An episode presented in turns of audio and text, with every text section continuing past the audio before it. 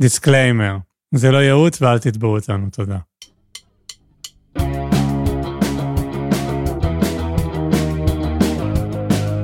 אתם מאזינים לקצה זכות. עם אפרת שמיר? לא. פודקאסט על אה. כל מה שסקסי. אוקיי.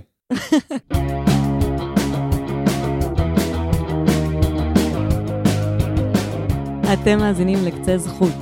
פודקאסט על כל מה שסקסי בבירוקרטיה הישראלית. אוי, התחלפנו בתורות. אהבתי. עם תואר מאירי. ואפרת שמיר.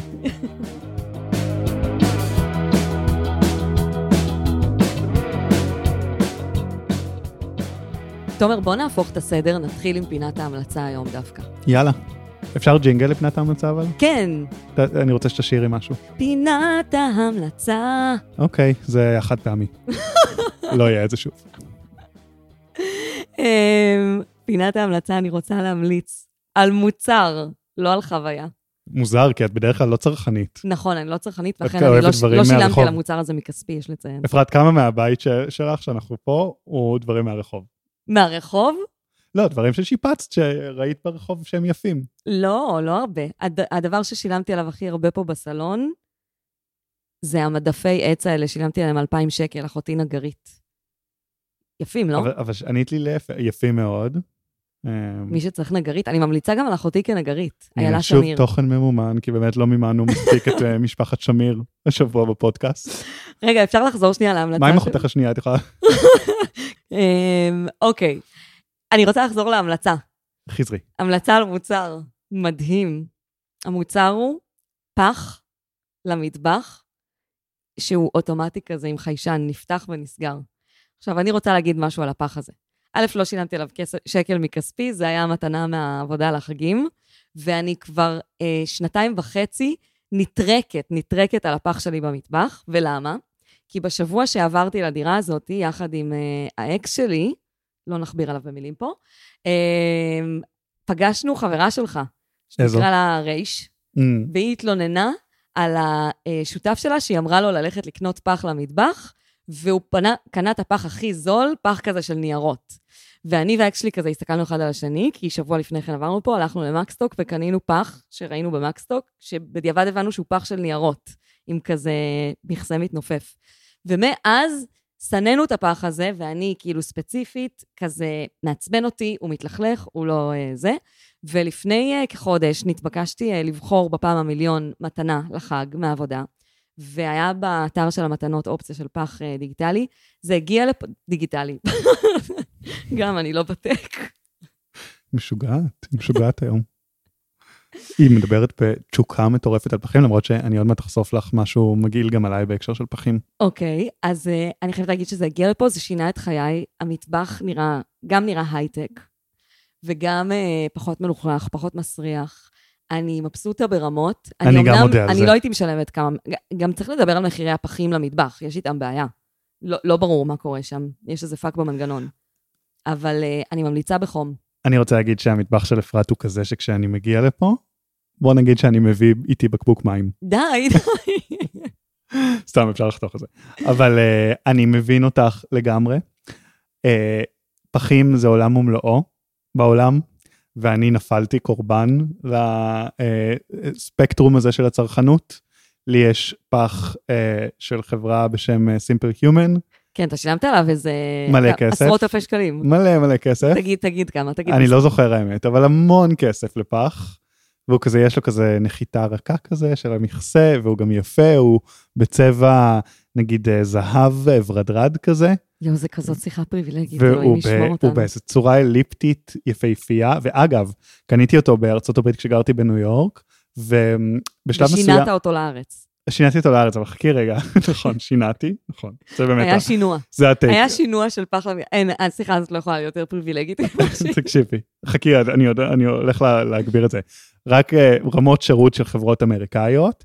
בשלב מסוים המנגנון קצת uh, התפקשש של הנחיתה הרכה של המכסה, שזה כמובן ה-value proposition, זה חצי מה-value proposition של המוצר, ואז uh, שלחתי להם את העובדה הזאת, והם שלחו לי חלק שאמור uh, לפתור את זה. וואו. אני לא הבן אדם הכי כאילו קרפטי, אין לי את הידיים הכי טובות, ולא הצלחתי. אז מה הם עשו? שלחו לי פח חדש. וואו, שלחו לי פח חדש. מדהים. הצורה היא צורה לא קונבנציונלית של הפח. כן. לא מאמינה שאנחנו מקדישים עשר דקות מתוך הפודקאסט. אני מז... אבל, אבל זה ראוי, מאזינים, תדעו לכם. זה, זה, ויש להם המון צורות שונות של פחים, והם גם במקרה מייצרים שקיות אשפה. Mm, custom made לתצורה של הפחים, וגם יואו. זה בטכנולוגיה שהיא באמת שקיות אשפה סופר סופר חזקות. יואו. מעולם לא נקרא לי שקית שלהם. אפרת, אני מזמין מאמזון שקיות אשפה. אני מזמין שקיות אשפה מארצות הברית. אני עושה את זה, אין כבר שנתיים מאז שחזרתי לארץ, שנתיים וחצי כמעט, ואני מזמין שקיות אשפה מארצות הברית.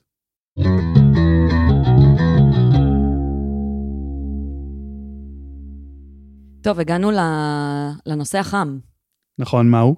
פנסיה, פנסיה, פנסיה, פנסיה. ובעצם אה, זה נושא ענק ומורכב, ויהיה קשה בכלל בפודקאסט לעבור על כל הדברים שיש לדעת בנושא הזה, ובטח שלא בפרק אחד, אז יהיה סדרת פרקים. והיום אנחנו מדברים על, על הפנסיה כקונספט. אה, אז, אה, אז אנחנו אה, תכף נתעמק קצת במה זה הדבר הזה, ומה המקורות, ואיך זה היה פעם וכזה, ונדבר גם על הטבות שכלולות בתוך העסקה הזאת, שבמסגרתה מכריחים אתכם לחסוך לעצמכם כסף ליום שבו תהיו קשישים ומתוקים, ובתמורה אתם מקבלים גם מקור הכנסה בזקנתכם, וגם כל מיני הטבות מהמדינה. disclaimer, זה לא ייעוץ ואל תתבעו אותנו, תודה. וואו, איך אנשים אוהבים לדבר על פנסיה ולהתעסק בפנסיה? וואי, זה ממש נושא, נושא, מה זה חם? למה זה נושא כזה חם לדעתך? אמ, כי כאילו זה ממש ייצוג מושלם של כזה. הדבר הזה שאתה יודע שחשוב שתבין בו, אתה נדרש לקבל לגביו, לגביו החלטות בכל מיני צמתים בחיים. שהן אין לך פוטנציאל ש- להתהרות גורל מבחינה פיננסית? לחלוטין, וממש ברור לך שאין לך את הכלים, אז uh, כזה. נכון. השאלה שנשאלת הרבה, בטח בקרב צעירים, היא למה המדינה כופה עליי אה, לחסוך לפנסיה? מה דעתך? מה דעתי התשובה או מה דעתי על השאלה? מה דעתך התשובה? יש לנו איזה נטייה קצת אה, לחשוב כאילו המדינה רוצה לדפוק אותנו אה, בהרבה סיטואציות, כי זאת גם החוויה שלנו בחיכוך מול המדינה, אבל בעצם זה המדינה... מאוד ישראלי. נכון. המדינה לא רוצה לדפוק אותנו, היא לא רוצה שיהיו פה אנשים... אה, אם, אם היה פוליטיקאי שעכשיו היה יכול, כאילו, בהנפת שרביט, אה, לגרום לזה שלא יהיו עניים, אז הוא היה שמח לעשות את זה. והעניין הזה של הפנסיה הוא כאילו להגן עלינו מפני עצמנו. לאנשים יש נטייה לא לחשוב על העתיד, לא אה, לתכנן קדימה, לא לחסוך, וזה דרך של המדינה בעצם אה, להכריח אותנו לחסוך לעצמנו עבור גיל הפרישה. אה, נכון. בשביל שלא נהיה עניים מרודים. אני חושב שאם אנחנו חוזרים לשיעורים הראשונים במקרו-כלכלה, בתואר הראשון שלנו, אז אני זוכר את הגרף הזה שמראים על הפרט הרציונלי, שבשנות העבודה שלו הוא חוסך כסף, אה, והוא לא מוציא את כל מה שהוא מכניס, אה, ומשקיע אה, בכל מיני אפיקי השקעה את החסכונות, כך שכשהוא מגיע לגיל פרישה, אז הוא יכול לחיות מהתשואה על ההון ומהריביות שהוא צבר. אממה, בפועל התיאוריה הרציונלית הזאת כמובן ממש לא קורית, נכון. וגם מחקר של אביה ספיבק, אה, ישן, מסוף שנות ה-90, מראה שהגרף צריכה הוא ממש תואם לגרף הכנסה. כלומר, אנשים בהכללה אה, מוציאים את מה שהם מרוויחים. כן. והיוצא מן הכלל הזה הוא החמישון העליון, מהמם. שהוא, או שיש לו מספיק כסף כך שהוא יכול לחסוך, או שיש לו גם יותר אוריינות והבנה של התנהלות פיננסית, כי הוא בחמישון העליון מכל מיני סיבות, והוא מצליח לחסוך ובאמת לייצר את הדינמיקה הזאת. בפועל, רוב האנשים לא מצליחים, גם אנשים חכמים, משכילים, לא מצליחים לייצר את הדינמיקה הזאת, וכאן נכנסת הממשלה ואומרת, חברים, נכון, אומרת חברים, ובעצם מכריחה את כולנו, גם שכירים וגם עצמאים, החל מ-2017, זה חוק יחסית חדש, שמחייב גם את העצמאים לחסוך לעצמם לפנסיה, שזה בעצם קופת חיסכון שרשומה על שמך, והיא אה, מושקעת בשוק ההון וצוברת ריביות לאורך שנות החיים שלך, ואמורה לשמש אותך ביום שבו לא תאכל או לא תרצה לעבוד יותר, החל מגיל בין 62 ל-65 לנשים ו-67 לגברים. נכון, והזכרת שב-2017 נחקק חוק פנסיה חובה לעצמאים. מתי, את יודעת, נחקק אה, לשכירים? שזו חובת המעסיק אה, להפקיד? כן. ב-2008 לדעתי. נכון, 2008, כלומר, ממש יחסית, מאוחר, יחסית recently, נכון. כאילו, היה פנסיה לפני כן שמעסיקים היו נותנים לעובדים שלהם, אבל זה לא היה חובה של המעסיק להפקיד, אה, להפקיד לפנסיה של העובדים. לחלוטין.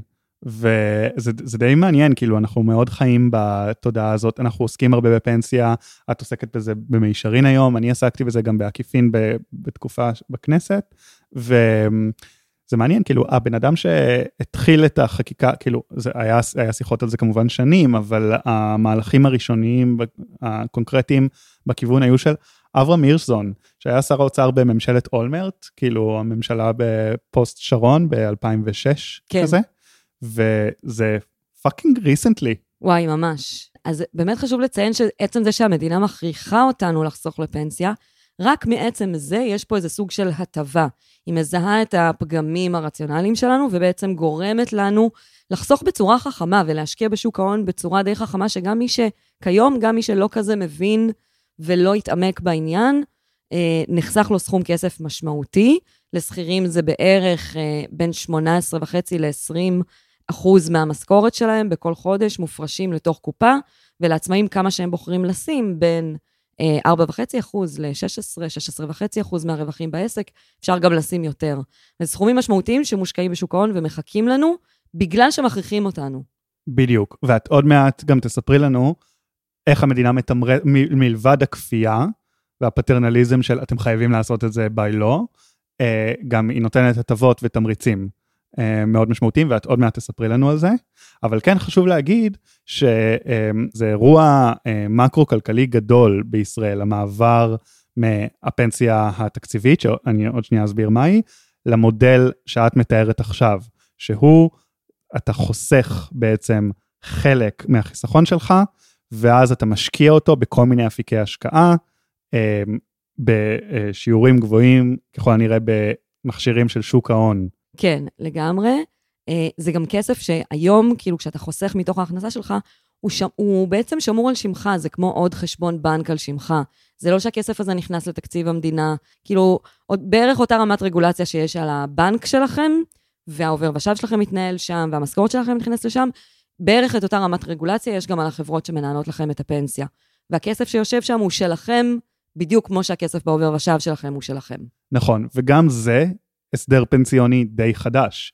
כלומר, אם יש לכם הורים שעבדו, ב, שהם אה, פנסיונרים של הצבא, אה, של המשטרה, מורים, הם ברוב הגדול שלהם, עד לסוף שנות ה-90 ותחילת שנות ה-2000, קיבלו פנסיה תקציבית. כלומר, ההסדר לא היה כמו שאת מתארת, שאתה חוסך ומשקיע וזה רשום על שמך, אלא זה התחייבות של המעסיק, מרגע שאתה יוצא לפנסיה, לשלם לך קצבה משנה מסוימת והלאה עד נגיד מותך. בעצם הוא צריך לתכנן את זה בתוך התקציב שלו העתידי, לפי השנים שבהם העובדים שלו הולכים, אה, הולכים לפרוש. בדיוק, וזה אומר שאתה, הארגונים האלה, למשל צה"ל, לצה"ל יש המון התחייבויות של פנסיה תקציבית שהוא נתן, היום, היום צה"ל כמובן כבר לא נותן פנסיות תקציביות לכל, לכל החיילים החדשים או אנשי הקבע החדשים, אבל עדיין יש לו חבות ענקית של המון המון כספים שהוא יצטרך לתת בשנים הבאות, שזה בעצם סכומי כסף שיורדים מתקציב משרד הביטחון. לגמרי, יורדים בהווה, לא נחסכו מלכתחילה. לא נחסך, אף, משרד הביטחון לא חסך את הכסף הזה, וכשאת עושה חלוקה תקציבית לשנה הבאה, את צריכה חלק מזה פשוט to deduct, להוריד, כי את יודעת שזה ילך לפנסיונרים שאת כבר חייבת חוקית לתת להם את הכסף הזה. לגמרי. וקצת לסבר את האוזן, את יודעת לנחש מתי הגיע או תגיע החבות המקסימלית של ממשלת ישראל לסך הזכאים לפנסיה תקציבית? מתי זה יגיע למקסימום? כן, או מתי זה יגיע כבר? לא יודעת. ניחוש. Um, יגיע למקסימום בעוד 15 שנה. Uh, את די קרובה, ב-2042. כלומר, תביני שלמרות שכבר בערך 20 שנה, או, זה לא כן. מדויק, אבל כבר שנים אנחנו במודל של פנסיה צוברת. ב-2042 רק אז יגיע המקסימום של החבות. ומשם זה יתחיל לרדת. ומשם זה יתחיל לרדת, וישלמו, ועד אז זה יעלה, שם זה יהיה 46 מיליארד ש"ח יואו, בשנה אחת, זה סכום כסף מטורף. אסטרונומי. עשרה אחוז מהתקציב של המדינה, כאילו. זה מלא, מלא כסף. מהתקציב של המדינה, של היום בערך, כאילו. בדיוק, וכשאת מהוונת את סך התשלומים, כלומר, כשאת אומרת, היום, אם הייתי צריך לשלם הכל היום, לכמה זה היה מגיע, זה היה חוצה את הטריליון שקל. יואו, מטורף. שזה יותר מפי שתיים מהתקציב, נכון? או בערך פי שתיים מהתקציב אני לא השנתי. יודעת כמה אפסים יש בטריליון. טריליון זה אלף מיליארד. אוקיי, בבקשה, תחשב.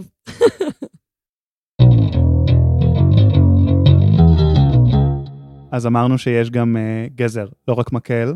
נכון, זה הכל מערכת של מקלות וגזרים, אני ממש תמיד משתמשת בדימוי הזה. אז. מקל, מקל אנחנו יודעים מהו, אתה חייב לחסוך מההכנסה שלך. האמת שזה לא המקל היחיד, המקל הנוסף זה שאם אתה רוצה למשוך את הכסף, כי הרי אמרתי שהכסף הזה הוא על שמך, אם אתה רוצה למשוך אותו לפני שאתה מגיע לפרישה, אז אתה תשלם קנס מאוד מאוד גדול, שזה ב, אה, של 35 אחוז לפחות, לפעמים גם יותר.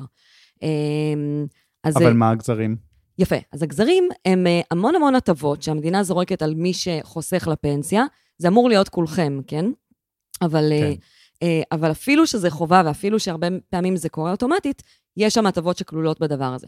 ההטבה הכי גדולה, ו... אה, לא יודעת אם הכי גדולה, ההטבה הראשית שנתחיל איתה, זה הטבה שבעצם גורמת לזה שכשאתה מפקיד לפנסיה, מס ההכנסה שאתה משלם קטן.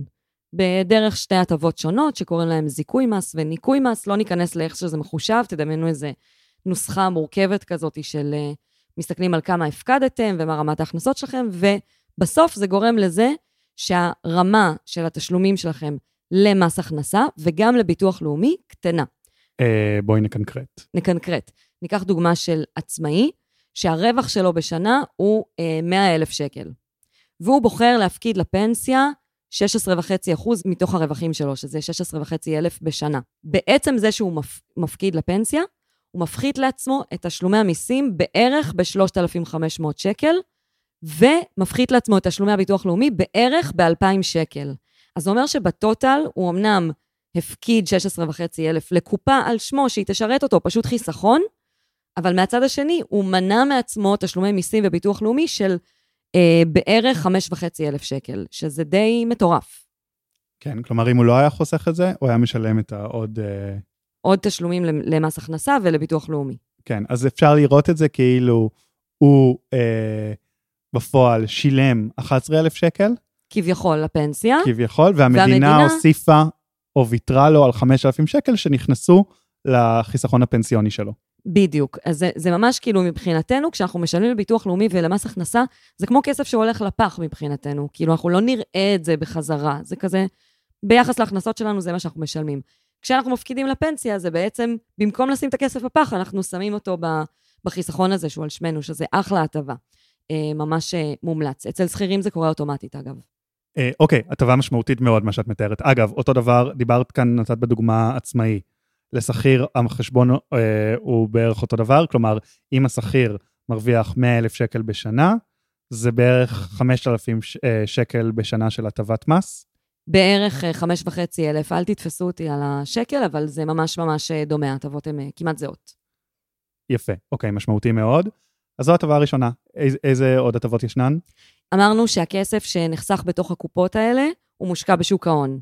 עכשיו, כשמשהו מושקע בשוק ההון, יש שנים שבהם אה, יש אה, שגשוג כלכלי וצמיחה, ובערך כל מה שאתה משקיע בו עולה וצומח וצובר ריבית מאוד מאוד גבוהה, ויש שנים של משבר, שבהם המשק במיתון, או שיש אינפלציה ויש האטה כלכלית, ואז שווי של מה ששמת בשוק ההון הולך וקטן. זה קורה גם עם החסכונות הפנסיונים שלנו, יש שנים שהם צומחים ויש שנים שהם אה, קטנים בשווי שלהם.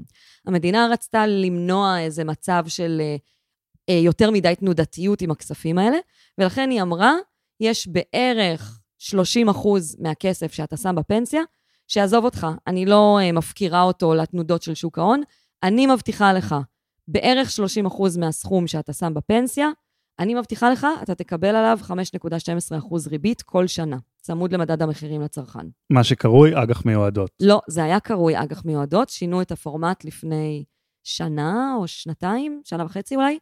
אה, כבר לא קוראים לזה אג"ח מיועדות, קוראים לזה מנגנון להבטחת תשואה. פגז. אה, זה, זה ריבית ממש, גב... ממש ממש גבוהה, אני חייבת לציין, ואת, וזה לא באמת כסף שנמצא בסיכון.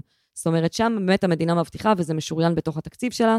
אגף תקציבים לא מאוד אוהב את המנגנון הזה, אה, כאילו את הגובה ההטבה הזאת, כי היא מכבידה מאוד על קופת המדינה, אבל היא באמת גורמת לזה שהכספים שלנו, במובן מסוים הם, אה, הם לא מובטחים לחלוטין, כי הרוב עדיין בשוק ההון, אבל אה, אה, כזה, יש שם איזה כרית ביטחון משמעותית מאוד. שאלה. כן. Um, יבוא אדם ויגיד, הלו חביבי, um, בעצם למי יש יותר חסכונות פנסיונים? לעשירונים הגבוהים יותר. נכון. ואת אומרת שמבטיחים עד 30 אחוז מהחיסכון הפנסיוני. אם אני, אם אני מרוויח הרבה, אני חוסך הרבה, אז ה-30 אחוז האלה הם הרבה יותר כסף עבור האדם העשיר הזה, והמדינה בעצם מסבסדת עבורו הבטחת אה, תשואה, uh, כשהוא לא זה שצריך את הכסף הזה. אז צריך הרבה יותר הבן אדם העני. מה את עונה לזה? אני עונה לזה שבכל מקום שבו יש הטבה שהמדינה נותנת, יש גם תקרה. כמו עם המס הכנסה, שאמרתי, עד, אם תפקידו כעצמאים, עד 16.5% מהרווח שלכם, זה בשביל לנצל את המקסימום של ההטבה הזאת. בדיוק באותו אופן, גם עם המנגנון הזה של ההבטחת תשואה, שבעצם גורם לזה שאתם לא מופקרים לתנודות המלאות של שוק ההון, גם שם יש תקרה. והתקרה הזו עוצרת במשכורת של בערך 20 אלף שקל בחודש. זאת אומרת, מי שמרוויח 20 אלף ינצל עד המקסימום את ההטבה הזו של הבטחת תשואה, שהמדינה בעצם מבטיחה לו ש-30% אה, מהכסף יקבל ריבית של 5% אה, בשנה. מי שמרוויח יותר מזה, אז הוא ינצל עד התקרה, ומעל זה הוא כבר לא יכול להפקיד לפנסיה הרגילה, במרכאות, אה, שנקראת פנסיה מקיפה, והוא יצטרך להפקיד לפנסיה מסוג אחר, לקופת פנסיה מסוג אחר, שנקראת פנסיה כללית או משלימה, והיא לא כוללת את ההטבה הזו. הבנתי. כלומר, במילים אחרות, זה עד תקרה מסוימת, אחרי התקרה הזאת אתה פשוט לא מקבל את ההטבה הזאת ואנחנו לא, לא מסבסדים אותך. נכון, אז אה, כל ההייטקיסטים, משכורות של 30, 40, 50, 60 אלף, הם לא ממשיכים לנצל את ההטבה הזאת עד אינסוף. אמ, נכון. צריך אה, להגיד עוד דבר אחד, אנחנו בשנת הקלטת הפודקאסט, אנחנו בתקופה שבה הריבית גבוהה מהתשואה המיועדת הזאת. הריבית היא משהו כמו 5.5 אחוז. כלומר, בן אדם יכול לבוא ולהגיד, עדיף לי לשים את זה בפיקדון בנקאי, או בקרן כספית, ולהרוויח כאילו יותר, למרות שזה לא בדיוק נכון, רגע, כי יש אבל, לך... רגע, אבל זה צמוד למדד מחירים, זה צמוד לאינפלציה. כלומר, 5.12 פלוס... פלוס על, ה... האינפלציה. פלוס האינפלציה. כן, זה לא, זה לא, גם אם הריבית במשק היא באזור החמש, עדיין זו ריבית נומינלית, לא ריבית uh, שצמודה mm-hmm. לאינפלציה. אוקיי, אז uh, אני מסכם. דיברנו על uh, הטבה של חיסכון משמעותי בחבות המס שלך. ובת, ובתשלומים לביטוח לאומי. ובתשלומים לביטוח לאומי. דיברנו על אג"ח מיועדות, שזה מנגנון... לא אג"ח מיועדות. נכון, מנגנון הבטחת תשואה uh, על חלק מהפנסיה עד תקרה מסוימת, עוד הטבה ממש שווה. האם uh, סיימנו? Uh, לא, יש, uh, יש עוד הטבה. אמ, בדרך כלל כשאנחנו משקיעים בשוק ההון ועושים רווחים בבורסה, כשאנחנו רוצים למשוך את הכסף, אנחנו צריכים לשלם מס על הרווחים. מס די גבוה של 25 אחוז. מס רווחי הון. בדיוק, מס רווחי הון. Uh, בתוך החסכונות הפנסיונים שלנו בעצם, אנחנו לא צריכים לשלם את המס הזה בשום שלב. זאת אומרת, נחסוך, נגיד נגיע לפרישה עם מיליון שקל בתוך הקופה, יחשבו לנו, יתרגמו את זה לקצבת פנסיה חודשית, שהיא מבוססת על הסכום שיש לנו שם, ובשום שלב לא יפחיתו לנו את ה-25% מס על הרווחים. אה, שמי שבעולמות של להשקיע בשוק ההון וכזה מכיר את החישובים וזה, מבין שזו הטבה מטורפת של מאות אלפי שקלים בסוף. אה, ומי שלא, יכול פשוט לסמוך עלינו, שזו הטבה ששווה הרבה מאוד כסף. זה בעצם המון, המקום, המון כסף. זה בעצם המקום שהכי משתלם אה, לחסוך בו אה, לטווח ארוך, הפנסיה שלנו. בגלל כל ההטבות האלה. נכון.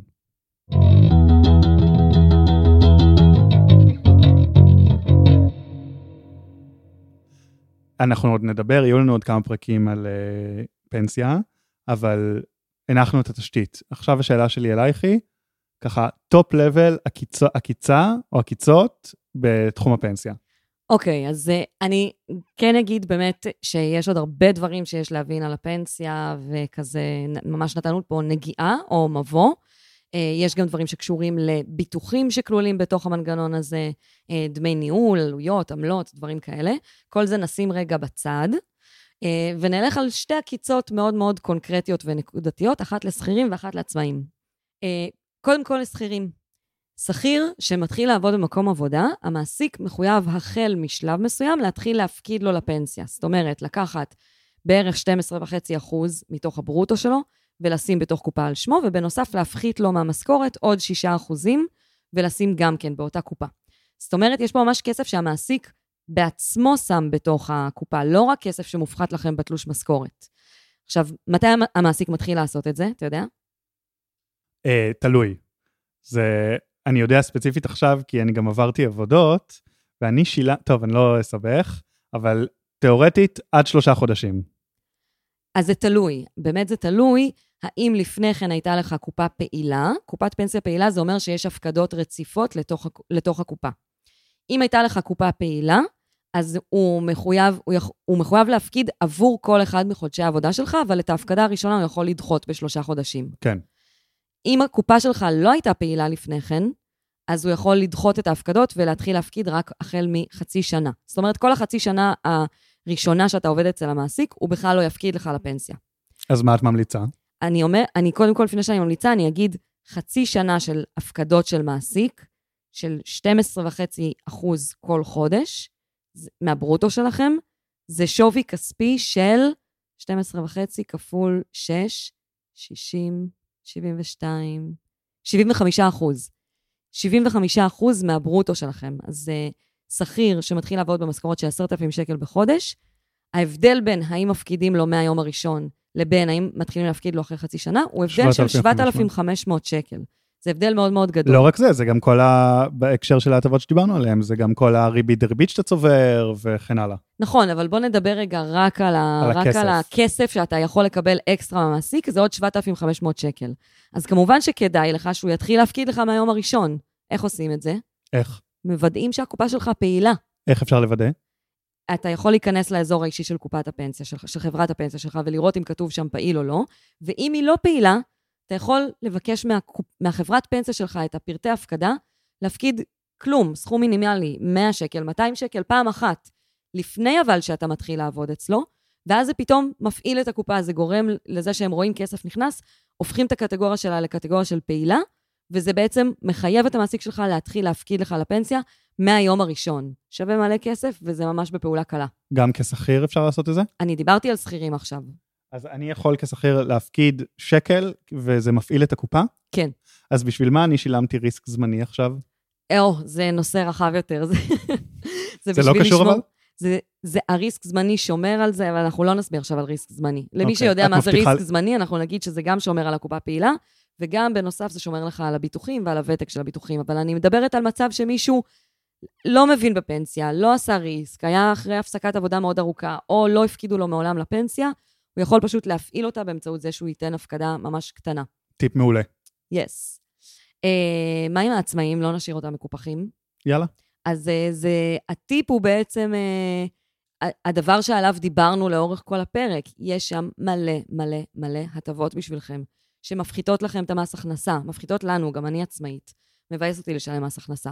משל... מבאס אותי לשלם בביטוח לאומי. הדרך שלי להפחית את התשלומים האלה היא להפקיד את המקסימום שאני יכולה לצורך הטבות המס אה, על ההפקדה הפנסיונית, שזה בעצם אומר או 16 או 16.5 אחוז מתוך הרווחים השנתיים שלי, אני מפקידה לתוך קופת הפנסיה. כמובן שאני לא יודעת מראש מה יהיו הרווחים שלי, אבל אני עושה איזה הימור מושכל, ובסוף השנה משלימה הפקדות אם צריך. עכשיו, המנגנון עובד ככה שאני בעצם מעבירה כסף לתוך קופת הפנסיה שלי בכל חודש, ובסוף השנה, אם יש לי רואה חשבון, אני לוקחת את הדוח השנתי מחברת הפנסיה, ונותנת לו כדי שהוא ידווח על זה לרשות המיסים, והם יראו שהפקדתי, וייתנו לי בעצם את ההטבות מס האלה. זה ממש ממש ממש משתלם. זה הדרך הכי משתלמת ויעילה להפחית את תשלומי המיסים שלכם.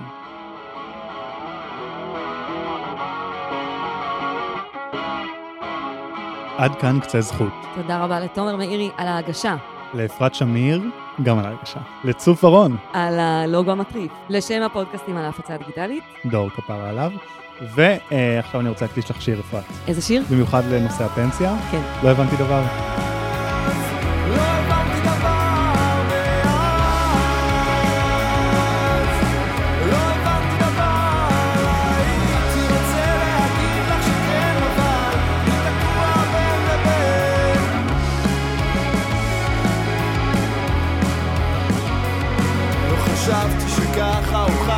בסוף לעזוב את הכל.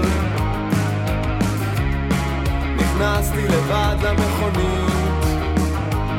בחלום אני כל פעם חוזר למקום שממנו הכל התחיל. נוסע מהר ברוורס, פוחד להחליט.